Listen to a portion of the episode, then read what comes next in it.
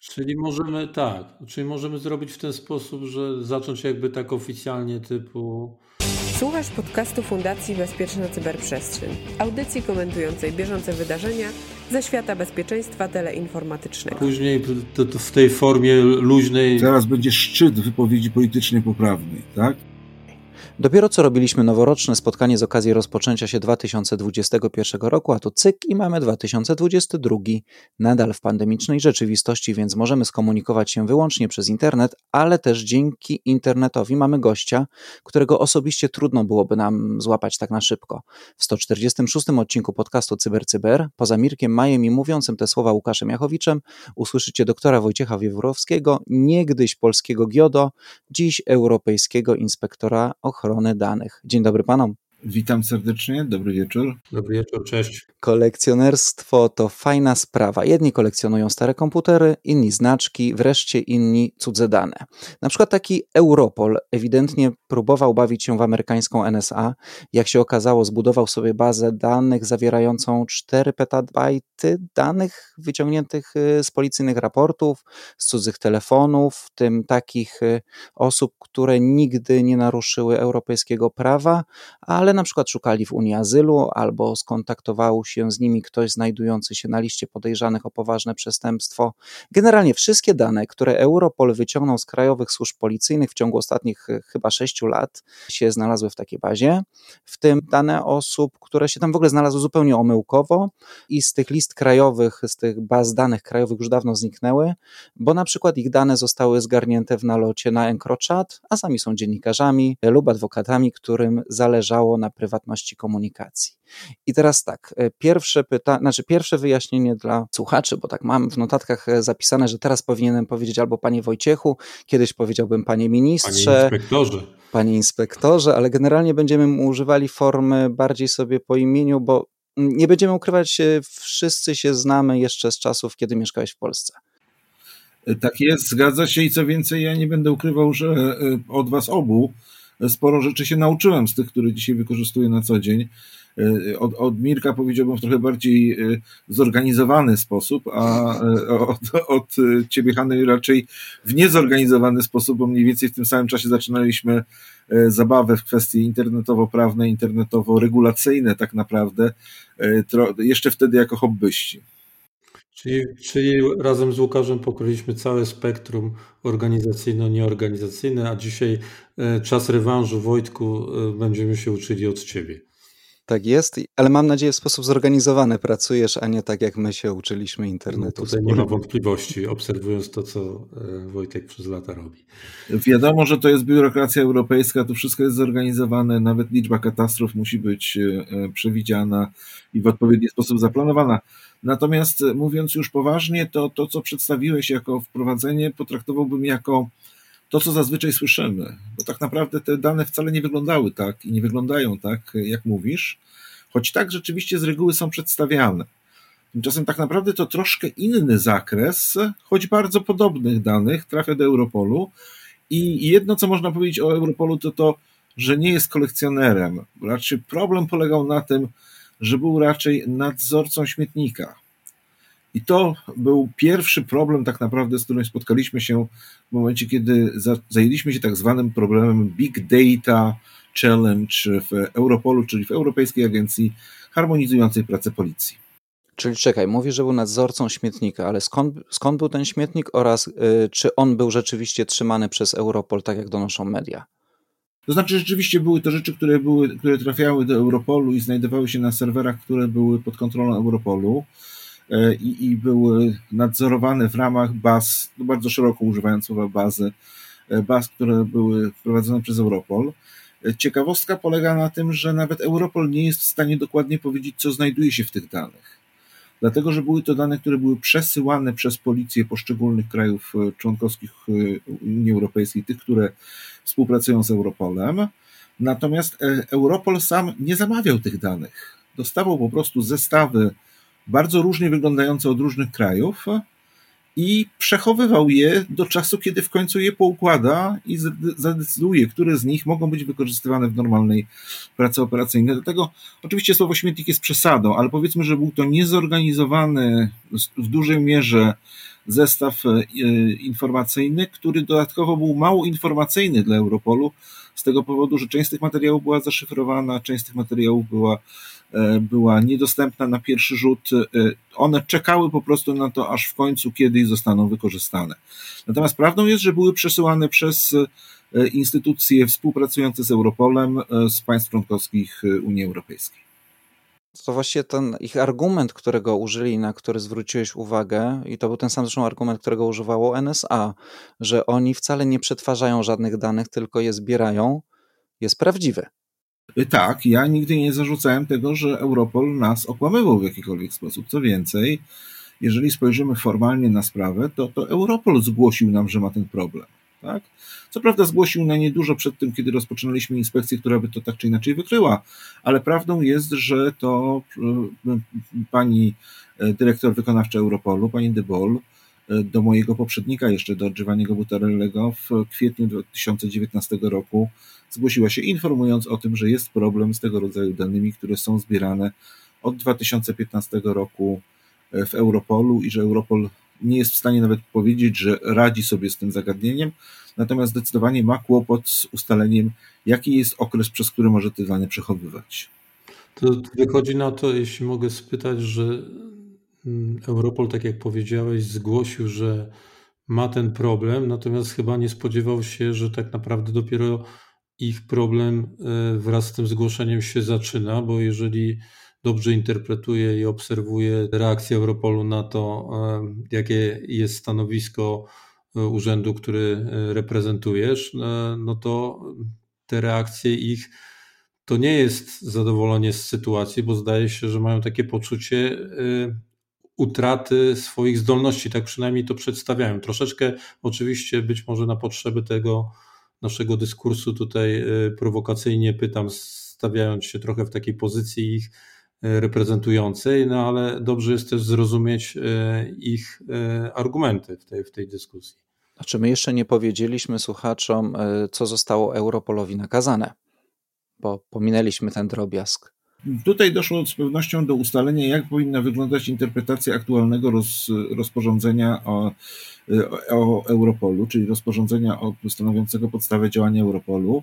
I ta, e, to ustalenie, brutalnie mówiąc, nastąpiło w formie decyzji, w której e, jako Europejski Inspektor Ochrony Danych mający kontrolę, nadzór nad e, Europolem w zakresie przetwarzania danych osobowych, nakazałem wykasowywanie wszystkich danych, które w ciągu sześciu miesięcy nie zostały opatrzone e, odpowiednimi, e, odpowiednimi oznaczeniami, jakie role sprawują osoby, które w tych nagraniach występują, i tym samym przetwarzanie danych osobowych tylko osób, co, e, co których rola została ustalona w ciągu pierwszych sześciu miesięcy po otrzymaniu tych danych przez Europol. Z tym, że na poradzenie sobie z zestawem, który w tej chwili Europol posiada, wyznaczyliśmy termin 12 miesięcy, zdając sobie sprawę z tego, że większość działań Europolu nie jest spowodowana, właściwie wszystkie działania Europolu nie są spowodowane świadomym działaniem przeciwko e, ochronie danych osobowych, a spowodowane są dwoma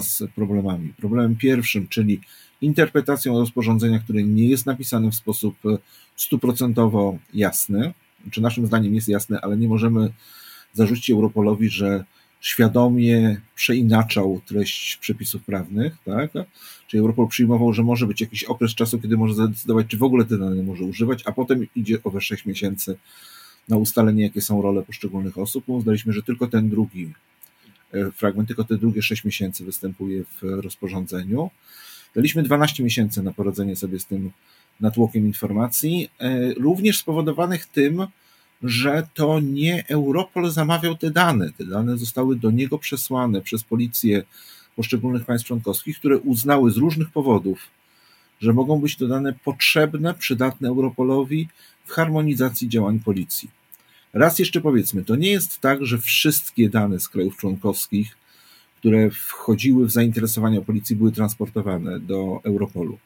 Europolowi przekazywane były dane, które państwa członkowskie uznały za przydatne w międzynarodowych działaniach operacyjnych, czyli takie, które mogą się przydać do międzynarodowych działań e, operacyjnych, aczkolwiek były to bardzo często dane w żaden sposób nie przetworzone. Były to po prostu zestawy, które były w posiadaniu policji, przekazywane do Europolu. Wspomniałeś, że no, w moim podsumowaniu tego wszystkiego, które bazowało na, na materiałach medialnych, były różne informacje dotyczące co za, co, jakiego rodzaju dane tam e, między innymi wylądowały. A ty powiedziałeś, że to jest mniej więcej się zgadza, ale zupełnie nie. Więc jakiego rodzaju dane tak przykładowo? Co tam się znajduje? Co policja wysyła, żeby, żeby policje z innych krajów teoretycznie też mogły z tego korzystać? No i tu już brutalnie muszę powiedzieć, że jedyne co mogę powiedzieć to tylko to, że są to dane, które policja uznała za przydatne przy współpracy policyjnej, która jest y, y, harmonizowana przez Europol. Więcej na temat tego, co dokładnie w tych danych się znajduje, powiedzieć nie mogę. Czyli rozumiem, że jedyne co nam zostaje to są doniesienia medialne, z którymi się nie zgadzasz. To znaczy, nie zgadzam się ze stwierdzeniem, że są to wszystkie materiały policyjne. Nie zgadzam się, że one są tworzone na podstawie jakichś list, tak? To są informacje, których nie mogę potwierdzić dla całości danych, które tutaj są. Natomiast nie chciałbym e, wspominać o tym, jakich dokładnie działań one dotyczą. Natomiast nie jest tajemnicą dla nikogo, że głównie chodzi tutaj o kwestie związane ze zwalczaniem terroryzmu i zorganizowanej przestępczości. Takie, jeśli, jeśli mogę, przyszło mi do głowy takie E, przewrotne rozwiązanie. Nie wiem, czy nie podpowiadam, bo nie, jest to moją intencją, ale cie, ciekawi mnie Twoja, Wojtku, opinia na ten temat. Jakby to było, gdyby się okazało, że e, te wszystkie policje idą, e, wychodzą naprzeciw pewnemu trendowi technologicznemu, który teraz obserwujemy w ogóle w zarządzaniu dużymi zbiorami danych związanych w ogóle z bezpieczeństwem, ja to jakby w, te, w tym sektorze technologicznym cyberbezpieczeństwa obserwuję, który generalnie w skrócie polega na tym, że y, właściwie y, no, utrzymuje się takie rozproszone bazy danych. I, I, nie ma takiego miejsca, y, do którego ty, twój urząd zgłosiliście uwagi, tylko po prostu jest możliwość korzystania z pewnych danych, ale w trybie, który właściwie w praktyce przypomina to jakbyśmy mieli do czynienia z jedną bazą danych. Nie, nie wiem, czy się jasno e, wyrażam. Tak, oczywiście. Ja zresztą zauważ, zareagowałem w momencie, kiedy mówiliśmy o serwerach Europolu, tak, czy bazach Europolu. Zareagowałem stwierdzeniem, że to są dane, które pozostają pod kontrolą Europolu. I to myślę, że to byłoby najlepsze określenie, bo to, to, to nie jest tak, że one fizycznie znajdują się w budynku Europolu w Hadze E, że one są w jakimś konkretnym miejscu, które ja jestem w stanie określić, znaczy jestem w stanie opowiedzieć, w którym miejscu to się znajduje. Tu chodzi o to, do, do jakich danych mamy dostęp, do jakich danych mamy, e, nad jakimi danymi mamy kontrolę w rozumieniu e, możliwości, e, możliwości zadecydowania, co się z tymi danymi dzieje, tak? Natomiast ja niespecjalnie chciałbym się wyrażać na temat tego, co jest przydatne dla Europolu, albo co jest tym bardziej przydatne dla, dla, dla działań policyjnych, myślę, że wszyscy zdajemy sobie sprawę z tego, że organy ścigania, a szczególnie policja, e, nie są chętne do tego, żeby współdzielić informacje. Bardzo lubią mieć pełną kontrolę nad zasobem, który, który posiadają, nawet jeżeli ten zasób jest redundantny, czyli istnieje w dwóch miejscach. To wolą, żeby nad tym zasobem, do którego mają dostęp, miały same jako taką kontrolę. Oczywiście nie zawsze tak jest, ale takie jest, takie jest założenie pierwotne. Ja nie bardzo chciałbym się wyrażać na temat tego, jaki jest biznes model tego, co robi Europol, e, albo biznes model tego, co robi policja. Ponieważ nie do końca taka jest rola regulatora, jakim jest Europejski Inspektor Ochrony Danych. Ja nie decyduję o tym, do czego jest Europol. O tym decydują polityczne ciała w Unii Europejskiej i tworzą na tej podstawie prawo, które ma regulować działania Europolu. To prawo wygląda w tej chwili tak, jak wygląda. Ja mogę się z nim nawet nie zgadzać w tym znaczeniu, że mi mogłoby się wydawać, że ono mogłoby wyglądać inaczej. Ale moje zadanie jako regulatora to doprowadzić do tego, żeby to prawo, które jest w obecnej chwili, było sankcjonowane i było wykonywane. Więc nawet jeżeli byśmy uznali, że Europol może mieć dostęp do wszystkich danych policyjnych w Europie, bo to byłoby dobre dla harmonizacji pracy policji, to proszę bardzo. Tyle tylko, że musi być na to podstawa prawna. Obecna podstawa prawna mówi wyraźnie, co Europol może robić, jakie czynności może wykonywać, do jakich zasobów może mieć dostęp i w jakim trybie i w jakim czasie decyduje o tym, e, w jaki sposób te dane wykorzystać. Ja, jak widać z tego, co się działo, z tych również, również terminów, które tutaj się pojawiły, czyli to, że sprawa zaczęła się w 2019 roku, w jakim stopniu kończy się, choć przecież nie ostateczną jeszcze decyzją w obecnej chwili, widać, że to nie była decyzja, która była podejmowana w dwa tygodnie. Tak? To nie jest tak, że my nie próbowaliśmy wszystkich innych możliwości rozwiązania, które doprowadziłyby do tego, że wszystkie kwestie zostałyby ustalone. Myślę, że 90% spraw zostało załatwionych bardzo sprawnie wraz z Europolem w ciągu tych półtora roku tak naprawdę działań.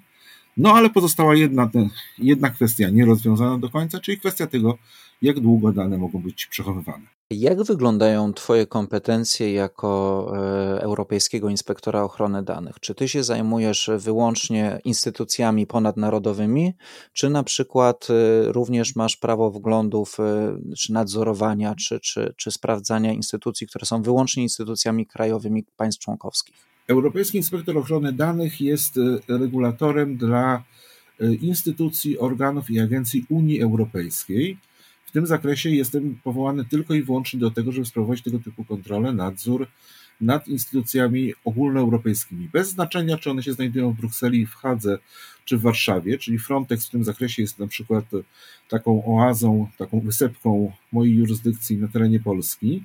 Natomiast nie mam żadnych możliwości decyzyjnych co do działań organów w Polsce. Istnieje natomiast inny organ, inne ciało właściwie, koordynacyjny dla rzeczników ochrony danych, a właściwie dla organów nadzorujących, jakim jest, e, jakim jest e, o, teraz próbuję szybko przetłumaczyć z języka angielskiego na polski, powiedzmy, że forum koordynacyjne w zakresie ochrony danych w policji i to forum, którego my jesteśmy członkiem, również prowadzimy jego sekretariat, zrzesza organy y, nadzorcze z poszczególnych państw członkowskich. Czyli w przypadku Polski jest to Polski y, Urząd Ochrony Danych Osobowych, Polski Prezes Urzędu Ochrony Danych Osobowych, nawet jeżeli nie ma on wprost wszystkich tych uprawnień, które my mamy, jeżeli chodzi o y, Europol, nie ma wszystkich tych uprawnień w stosunku do Policji Polskiej. Tym, tym stwierdzeniem takim prawnym, bardzo jasnym, ale dla mnie zupełnie zrozumiałym, w którym mówisz, że no musisz od, odnosić się do sytuacji, jaka jest, prawda? No bo to jest jakby rola e, twoja. Tak jak mówię, ona jest dla mnie bardzo jasna. Natomiast troszeczkę na, na potrzeby tej dyskusji, tak mam nadzieję, że zaraz potwierdzisz, że nie skasowałeś mo, mojej próby namówienia cię na pewną e, dyskusję, bo ona oczywiście wtedy nie musi mieć wcale charakteru takiego, że ściśle tylko i wyłącznie nawiązujemy do paragrafów, ale pewne e, próbujemy rozwiązać pewien problem. Już mówię e, o, o co chodzi, no bo tutaj gdzieś cały czas w, w, w powietrzu wisi temat big data, temat oczywiście sztucznej inteligencji, nowoczesnego wykorzystywania danych. E, no wiemy o co, o co chodzi. To zresztą troszeczkę też się tak e, pojawia, przynajmniej w, może mniej wprost, ale gdzieś e, w domyśle tego, tej, tej pozycji, którą przyjmuje Europol w, te, w, tym, w tym dyskursie, że to jest jakby nowoczesna próba ścigania przestępczości. Więc ja zastanawiam się tak głośno, czy są metody tego, żeby no jakby próbować wykorzystywać w ogóle te techniki najnowocześniejsze no w, w obszarze, w którym no jest bardzo ściśle powiązany z przetwarzaniem danych bardzo wrażliwych, tak, bo one, one wiadomo, jakie mo, mogą mieć y, negatywne skutki przy niewłaściwym jego wykorzystaniu w kontekście działań przestępczych i, i tak dalej. Czy jest tutaj miejsce, czy istniejące regulacje albo no, idee, które wokół tego krążą, daje jakieś, jakąś przestrzeń do poruszania się w obszarze takiego nowoczesnego podejścia do, do prób zwalczania nie, czy cyberprzestępczości, czy, czy tej przestępczości no, tradycyjnej. Nie wiem, czy w ogóle jeszcze dzisiaj powinniśmy odróżniać. Ale... Moim zdaniem absolutnie tak. Tyle tylko, że trzeba sobie powiedzieć, że to, że jest miejsce i że jest sposób na zrobienie tego, nie oznacza, że my jesteśmy do tego do końca gotowi. Ja z przykrością muszę wrócić właściwie do swojego całego wystąpienia, które wygłosiłem w 2012 roku, jeszcze jako polski generalny inspektor ochrony danych osobowych, podczas pierwszej międzyparlamentarnej dyskusji na temat projektu RODO, projektu rozporządzenia o ochronie danych osobowych, ale również projektu dyrektywy policyjnej tak zwanej. Tak, ona jest zwana dyrektywą policyjną, czyli dyrektywa o ochronie danych przetwarzanych przy zwalczaniu i zapobieganiu mm, przestępstwom. To jest taki akt prawny, o którym rzadziej się mówi, a który razem z RODO został wydany i dotyczy w troszkę innej formie wydany, bo w formie dyrektywy dotyczy tego, co robią policja oraz służby, tam gdzie mówimy o działaniu służb skierowanym do mm, obszaru innego niż bezpieczeństwo narodowe. Tak? E, wówczas w 2012 roku, podczas tego między, międzyparlamentarnego spotkania, ja mówiłem, że jestem pierwszym fanem tego, żeby organy ścigania używały najnowocześniejszych rozwiązań technologicznych, jakie są dostępne, pod warunkiem, że wiemy, co z nimi robią. Czyli jest y, konieczność istnienia niezależnego, fachowego nadzoru nad tym, w jaki sposób te y, urządzenia, te, te y, urządzenia, narzędzia, to oprogramowanie, te rozwiązania techniczne i technologiczne e, są używane i są wykorzystywane. Co więcej, ja wcale nie twierdzę, że to powinna być kontrola przed. To może być kontrola ex post. Tyle tylko, że jeżeli to jest kontrola ex post, to ona musi e, wiązać się z wyciąganiem konsekwencji wobec sytuacji, w których takie urządzenia, takie narzędzia zostały wykorzystane nie w celu, dla którego zostały przeznaczone i nie w celu, który powinny wypełniać te organy, te e, instytucje, o których tutaj wspominamy. Tak? Czyli uważam, że tak jak najbardziej powinniśmy zapewnić możliwość policji oraz służbom zwalczającym przestępczość, co oznacza również część służb, które w Polsce traktujemy jako służby specjalne, tak? bo pamiętajmy, że mamy taką służbę choćby jak ABW w Polsce, która po trosze jest policją, a po trosze jest e, służbą specjalną. Jeżeli to, czy, czy takie rozwiązanie w Niemczech byłoby sprzeczne z prawem, w Polsce jest dopuszczalne, no ale powiedzmy, że w tej części, w której zajmuje się ona zwalczaniem przestępczości zwykłej, możemy potraktować, możemy potraktować ją jako po prostu organ ścigania. E, te e, instytucje powinny mieć takie uprawnienia pod warunkiem, że podlegają rozsądnej kontroli dobrze przygotowanych organów kontrolnych. I jak to jest? Podlegają, nie podlegają i czy w ogóle wiemy, co one robią? No, oczywiście nie mogę się wypowiadać na temat Polski w obecnej chwili jako Europejski Inspektor Ochrony Danych, ale powiedzmy, że mogę powiedzieć o prawdopodobieństwie graniczącym z pewnością, że istnieją kraje Unii Europejskiej, w których ta kontrola nie jest poprawna. I to prawdopodobnie jest to większość krajów Unii Europejskiej. Nie mówię tylko o krajach wschodniej części Unii Europejskiej lub podobne problemy mamy choćby w Skandynawii, gdzie kontrola tego typu jest, e, powiedziałbym, bardzo wybiórcza. To pokazały przesłuchania choćby prowadzone w e, Parlamencie Europejskim po sprawie Snowdena, gdzie no z przykrością muszę powiedzieć, że wypowiedzi z niektórych państw członkowskich Unii Europejskiej, podmiotów, które podobno miały sprawować kontrolę nad tym, co dzieje się w organach ścigania, były żenująco słabe. E, natomiast wiemy również, że w krajach, w których, e, do których czasem miewamy zastrzeżenia, typu na przykład Wielka Brytania, w ciągu ostatnich kilku lat nastąpiła niesamowita poprawa, jeżeli chodzi o działanie organów nadzorujących tego, co robi policja i organy ścigania. No ma, mamy dyrektywę tą, o której wspomniałeś, e, związaną z, z danymi policyjnymi, e, ale czy ten taki nadzór to w tych państwach, co, co, co zwróciłeś uwagę, że w większości jednak nie działa najlepiej, to on jest w niej zharmonizowany, czy gdziekolwiek jest zharmonizowany, czy, czy jeszcze mm, są jakieś plany lub w ogóle potrzebę widzisz, y, niekoniecznie jako inspektor, tylko po prostu widzisz, że ten, to jest ten kawałek, który trzeba zharmonizować, bo jednak źle się dzieje. Teraz będzie szczyt wypowiedzi politycznie poprawnej, tak? Komisja Europejska jako strażnik traktatów uznała, że wdrożenie dyrektywy policyjnej w poszczególnych państwach członkowskich jest niewystarczające i rozpoczęła pierwsze sprawy przeciwko państwom członkowskim, zaczynając od tych, które jej w ogóle nie wdrożyły. To już masz, Łukasz, dżingiel do, do tego y, odcinka podcastu.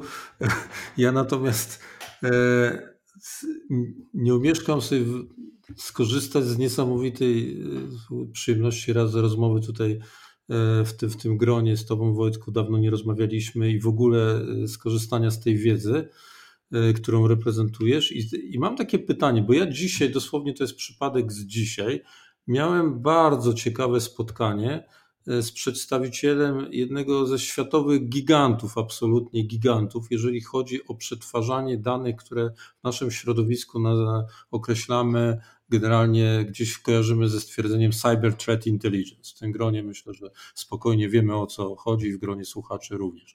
I to są, muszę powiedzieć, wręcz powalające na kolana zbiory danych, e, które no, zawierają wszystko, co można sobie wyobrazić, nie, nie tylko e, w, w obszarze, który najczęściej kojarzymy, danych typu, nie wiem, na przykład serwery Command and Control, coś związane bezpośrednio z działaniem malware'u, coś związane z, z, z taką cyberprzestępczością technologicznie uwarunkowaną. No, tam znajdują się również dane, które zahaczają o fizyczność, zahaczają o jak najbardziej dane osobowe, bo to są kwestie identyfikacji na przykład grup przestępczych do, do poziomu osób, tak? nie, nie ników y, w undergroundzie, tylko osób w realu i no to jest zbiór, który po prostu zastanawiam się, jak ty byś zareagował, jakbyś go zobaczył? To, tak, tak spytam prawda? Znaczy ja oczywiście tych, tych zbiorów, o których mówisz, nie widziałem sam, sam w sobie wszystkich, a przynajmniej nie, nie jakąś niesamowitą ich część. Jakieś fragmenty czy, czy przykłady e, wiemy, znamy, no, znamy choćby z inspekcji, które prowadzimy, ale stąd ja zacząłem zastanawiać się, jak odpowiedzieć na ewentualne pytanie, które Łukasz wydawał się chcieć zadać na początku, czy tam były 4 petabajty, tak? Bo właściwie moja odpowiedź byłaby, no, a nawet jak ich było 8, to co to jest 8 petabajtów, tak? To po prostu nawet z tej niesamowitej, e, niesamowitego zasobu widać, że to, było, że to są bardzo wybiórcze dane, tak? To są tak naprawdę skrawki informacji, które policja ma albo do których ma dostęp w poszczególnych państwach członkowskich, bądź może mieć dostęp. Pamiętajmy, że na przykład w Polsce, bo Mirek się przed chwilą pytał o tą sprawę dostępności do danych, tak, czy danych rozproszonych. No jak mamy traktować dane, które posiadają operatorzy telekomunikacyjni, wiedząc, że polska policja ma do nich dostęp? Czy one są w rękach policji, czy nie są w rękach policji? No nie są w rękach policji. A czy są w zasięgu policji? Są w zasięgu policji. No więc są w policji, czy nie ma ich w policji? Nie wiem. A to są właśnie owe petabaj, petabajty danych, czy zetabajty, czy jakiekolwiek inne e, e, tutaj jednostki mnożące. E, nie ma to zresztą na, naprawdę większego znaczenia. Są to rzeczy nieogarnialne jako całość. Dlatego ja mówię, że nie wierzę w ograniczanie danych nie wierzę w e, decydowanie, że ktoś może posiadać tylko takie, a nie może posiadać innych, tak? Natomiast wierzę w kontrolę i wierzę w nadzór. Czyli uważam, że jeżeli będziemy mieli ludzi, którzy potrafią dokonać takiego nadzoru, są z zewnątrz i są w stanie e, reprezentować w jakiś sposób społeczeństwo, to będzie dobrze. Oczywiście to wraca, wraca mi taki dowcip, który jeden z byłych szefów służby specjalnej e, powiedział mi właściwie trudno powiedzieć, że dowcip, bo była to raczej komentarz do mojej wypowiedzi e, w czasach, kiedy byłem jeszcze GIODO, kiedy mówiłem, że GIODO nie jest przygotowany do tego merytorycznie, żeby tego typu funkcje odgrywać, tak? Na co odpowiedź była, ale proszę się nie martwić, panie ministrze, ja panu dostarczę pracowników, którzy będą przygotowani merytorycznie. E, to oczywiście było dobre, celne trafienie, e, Natomiast jakoś musimy doprowadzić do tego, że będziemy mieli tego typu kontrolerów, tego typu nadzorców w poszczególnych państwach członkowskich, którzy będą w stanie wykonywać tego typu operacje i którym będziemy w stanie, będziemy w stanie zaufać. To jest jedyny sposób. Bo jak mówię, takie decyzje, że to ma być 6 miesięcy, albo 8 miesięcy, albo 12 miesięcy, albo że to mają być dane tego typu, a nie innego typu, to jest tak naprawdę próba dopasowywania ekierek do ekranów komputerów. No dobrze, ja jeszcze jakby w uzupełnieniu, bo to dla mnie jest ciekawe, ja myślę, że to jest duża szansa, że to jest interesujące dla wielu e, słuchaczy, którzy no jak działają tej, w tej branży i bardzo często ich praca polega na tym, że oni no swoje zdolności operacyjne w dużym stopniu opierają na dostępie do danych, prawda, które, które zbierają po prostu z sieci. Tutaj jest jakby ważny wątek dla mnie, ciekaw jestem Twojej opinii, na ile te wszystkie działania regulacyjne, te, które mogą wywołać pewne kontrowersje, a być może nawet e, wywołać skutki prawne, y, są y, jakby y, powiązane z faktem tym, że my zbieramy coś, co no, powszechnie nazywamy jakimś zaawansowanym OSINT-em, prawda? Czyli z, z, dostępem do danych, które są, zawsze możemy powiedzieć, one są po prostu, tak? My tutaj nie łamiemy żadnych, nie, nie, nie korzystamy z żadnych specjalnych przywilejów, to znaczy nie mieliśmy takiego przywileju, że komuś zabraliśmy telefon, tak, bo jesteśmy policją, mogliśmy, wyjęliśmy wszystkie dane i wrzuciliśmy do bazy i teraz one są gdzieś tam w, lokalnej policji albo, albo przesłaliśmy do Europolu. I teraz na ile ta sytuacja, która, no prawdą jest też, że wielu e, powszechnie nazywanych osobom jako bezpiecznicy pomaga w codziennej operacyjnej pracy, na ile e, oni tutaj powinni patrzeć, jak powinni na to patrzeć, tak? na ile tutaj mieć dyskomfort w tym, że no jakby poruszają się za daleko w tym podejściu, które może nie jest jeszcze w pełni big data, i ten, ale być może za chwilę będzie, bo, bo tutaj ten proces przecież jest tak szybki, że możemy za, rok porozmawiać już zupełnie w innej rzeczywistości w odniesieniu do sposobów przetwarzania tych danych. Profesor Wojciech Celary mówił kiedyś, że jedynym sposobem na doprowadzenie do ogarnięcia tego, co robią informatycy i co robią osoby, które znają się na przetwarzaniu informacji z danymi, z informacją, e, jedynym sposobem, właściwie są, są dwa sposoby, które trzeba realizować jednocześnie. Pierwszy to jest etyka zawodowa i drugie to jest silne prawo karne. Tak? Czyli z jednej strony wdrażać powszechnie etykę, dwa, wdrażać prawo karne tam, gdzie to jest możliwe. Tak? Czyli tam, gdzie jest możliwe karanie, karać. Tam, gdzie e, jest możliwe uczenie etyki, uczyć etyki. I mi się podoba to stwierdzenie. Uważam, że e, z prawem karnym nie jest źle, jeżeli chodzi o jego brzmienie. Trochę gorzej jest jego faktycznym wprowadzaniem w życie. Stąd też jako rzecznik ochrony e, danych osobowych w Unii Europejskiej postanowiłem zrobić to, co do mnie należy, wypełnić prawo, które w tej chwili istnieje. Istnieje prawo, które nakazuje, że ma być zrobione tak. W związku z czym moja rola jako regulatora jest, aby to spowodować, że to, zostanie to zrobione. To jest, są rządy prawa.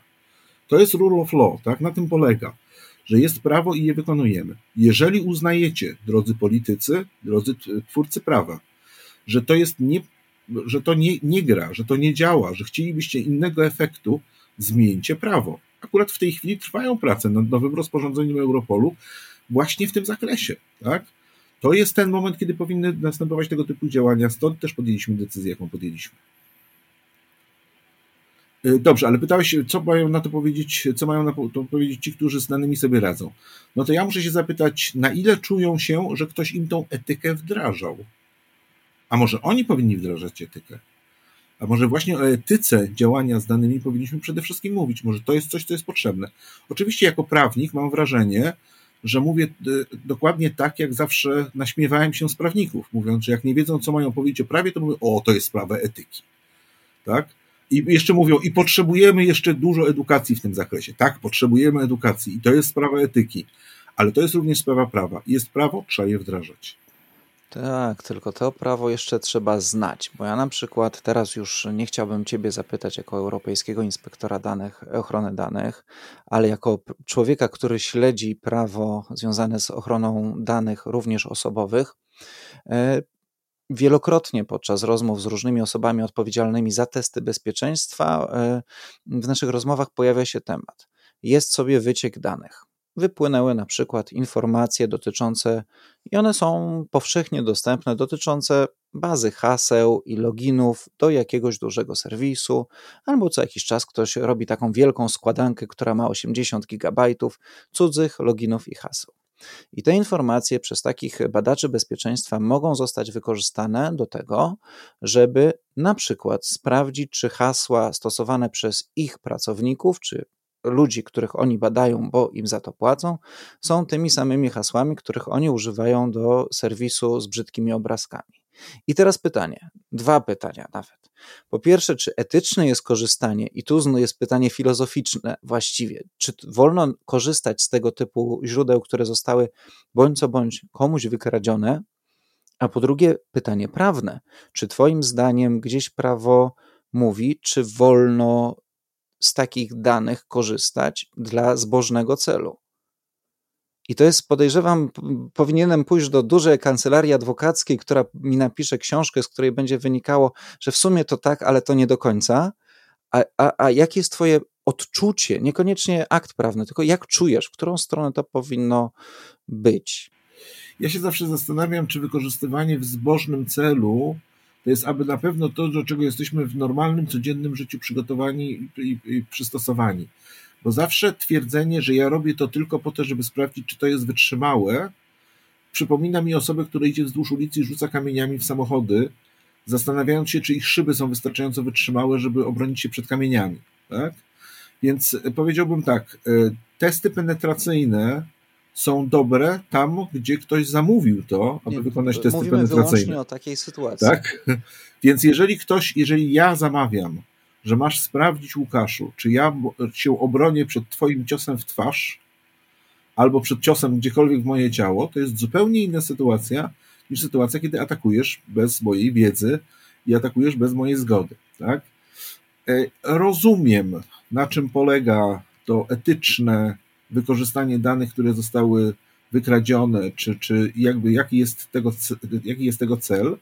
Jestem w stanie go w jakimś stopniu zaakceptować, ale byłbym naprawdę bardzo ostrożny w mówieniu o tym, że istnieje biały hacking, że istnieje um, jakiś e, wyższym celom przeznaczone działanie, które możemy dokonywać e, z tego powodu, że coś umiemy zrobić. Tak? Ja też umiem robić wiele rzeczy, których nie robię na co dzień, w, nawet w zbożnych celach. No. Nie przekonałem prawdopodobnie większości osób, które nas słuchają. Zdaję sobie z tego sprawę i taka jest niestety znowu rola Europejskiego Inspektora Ochrony Danych jako organu ochrony danych. Ja zdaję sobie sprawę z tego, że często brzmię jak prorok mówiący z góry i wydaje się, że nie wiedzący o tym, jak wygląda świat realny, tak?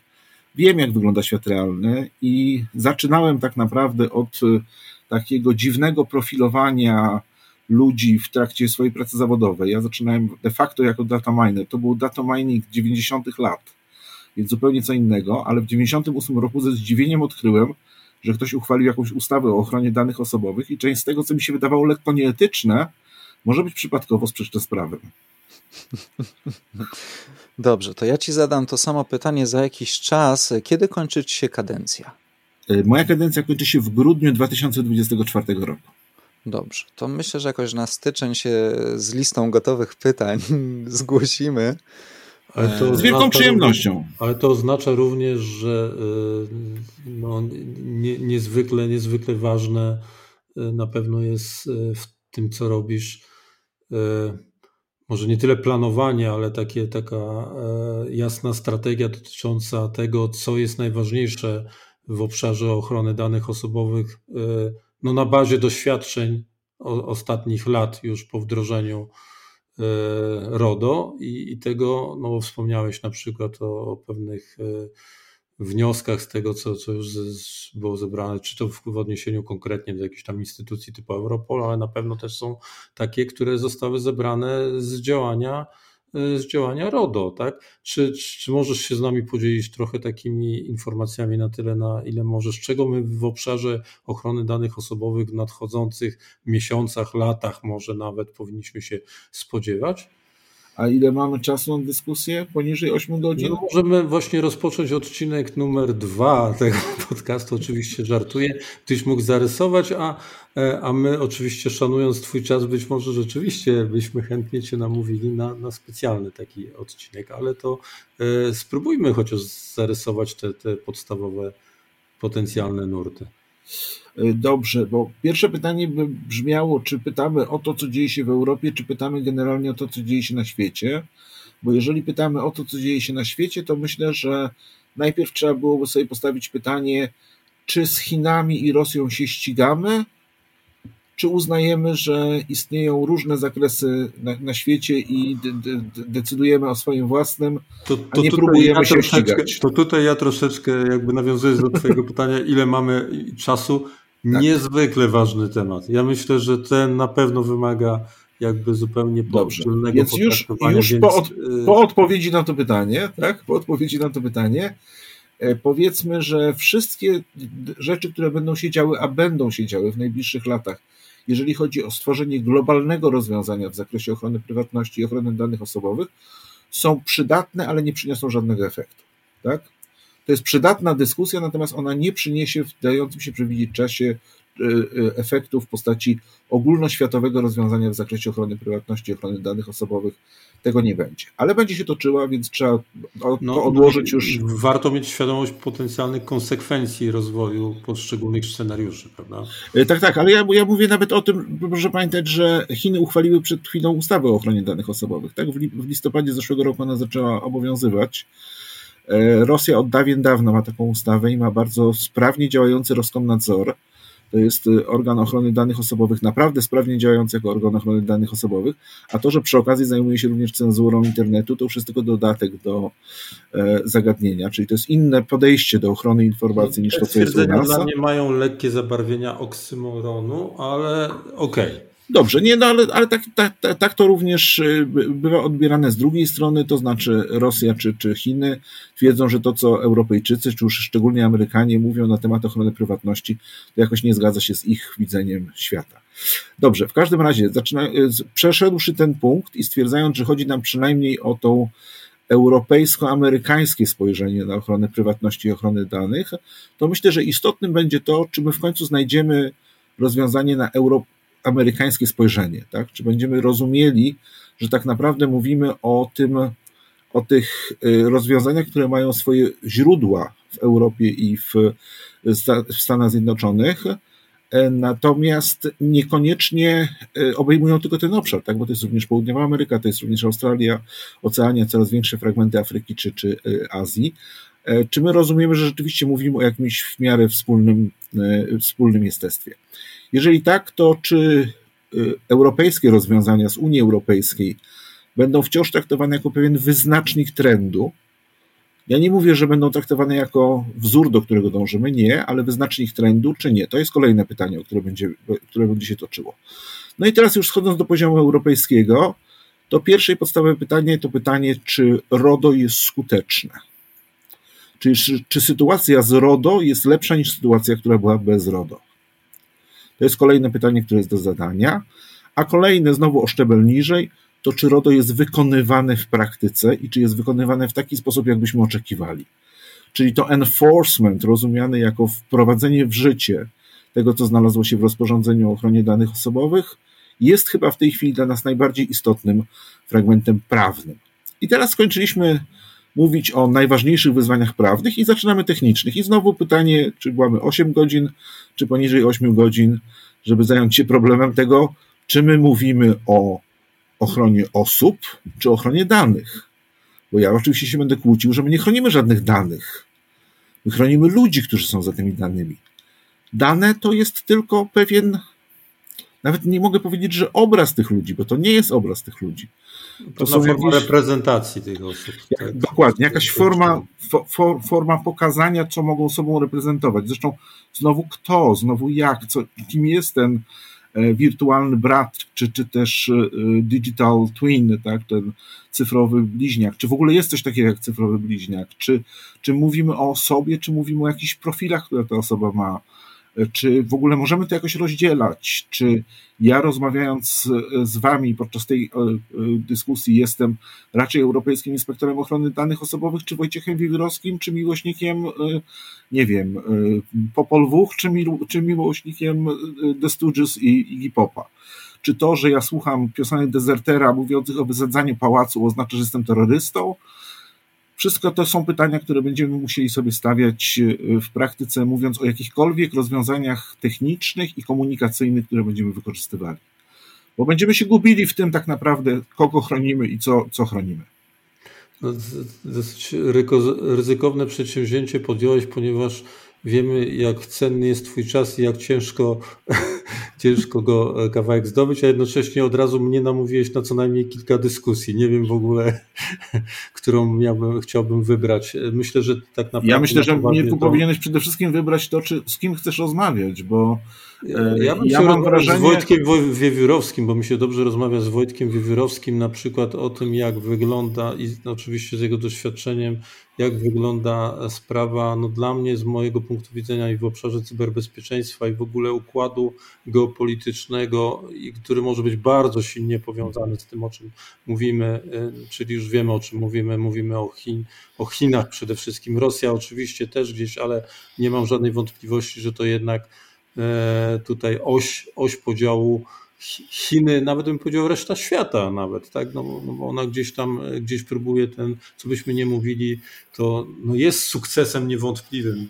Jakbyśmy rozmawiali o tym, co zmieniło RODO, w mojej ocenie człowieka, który troszkę tylko to obserwuje, niewątpliwym sukcesem, jak w praktyce no, większość firm amerykańskich chcąc nie chcąc dostosowała się do niego, co no, pewnie no, dla nich jest, że tak powiem, być może mentalnym upokorzeniem, tak?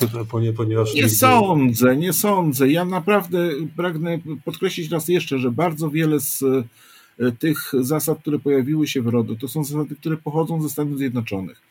E, całkiem niedawno specjalista z Uniwersytetu Jagiellońskiego i z Uniwersytetu Yale jednocześnie przedstawiał u nas to, jak bardzo rozwiązania RODO są podobne do raportu z 1974 roku dla Senatu amerykańskiego, jak należy uregulować prywatność w Stanach Zjednoczonych.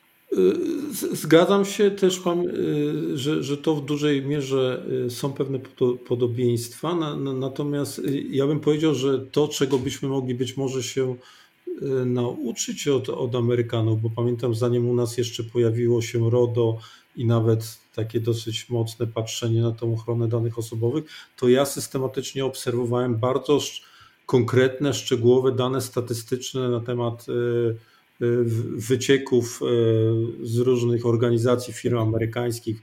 Jeżeli dobrze pamiętam, ten serwis, być może on, nie wiem, czy on dzisiaj istnieje, Data Leak chyba się, się nazywał i można było obserwować miesiąc po miesiącu, jak to jest, czyli ktoś to obserwował, wyciągał z tego wnioski. Myślę, że akurat być może to jest obszar, który fajnie by było zilustrować, e, co się dzieje w obszarze ochrony danych osobowych, ochrony osób poprzez reprezentację danych osobowych wprowadzić pewne benchmarki, żebyśmy mogli obserwować tę sytuację. Być może to jest, to jest coś, z czego moglibyśmy się nauczyć od Amerykanów. No to widać troszkę przy tych nowych propozycjach, które pojawiły się ze strony Komisji Europejskiej, że rzeczywiście kwestia transparentności tego, co się dzieje, jest bardzo e, traktowana jako podstawowa, tak? Czyli żeby było wiadomo, gdzie tak naprawdę problemy występują, żebyśmy wiedzieli o tym, co, co się dzieje e, od, od złej strony. Natomiast ja jeszcze chciałem zwrócić uwagę na to, że to, co zawsze wyróżniało Stany Zjednoczone, to jest to, że tam, gdzie była regulacja, na przykład w zakresie ochrony danych medycznych, ta regulacja była bardzo twardo wykorzystywana, bardzo twardo wykonywana w praktyce. Pamiętam przedstawiciela Google'a, który kilka lat temu na konferencji powiedział, że definicja piekła to europejskie prawo i amerykańskie wdrożenie. No, są specjalne też regulacje typu HIPS, prawda? Które, no właśnie, dokładnie. Mhm. Prawda? Je, je, tak, tak, tak. bardziej podkręcały śrubkę, tak? Już nie będę nawiązywał do amerykańskiej polityki, bo tak w ogóle to dosyć śmieszne jest, że z jednej strony się e, od nich uczymy, a z drugiej strony w ich gazetach ciągle są nazwiska wszystkich ludzi, którzy komuś coś źle zrobili, tak jak u nas w gazetach z lat dwudziestych ubiegłego wieku, gdzie dowiadujemy się, kto został właśnie podejrzany i złapany, bo okradł i gdzie dokładnie mieszka.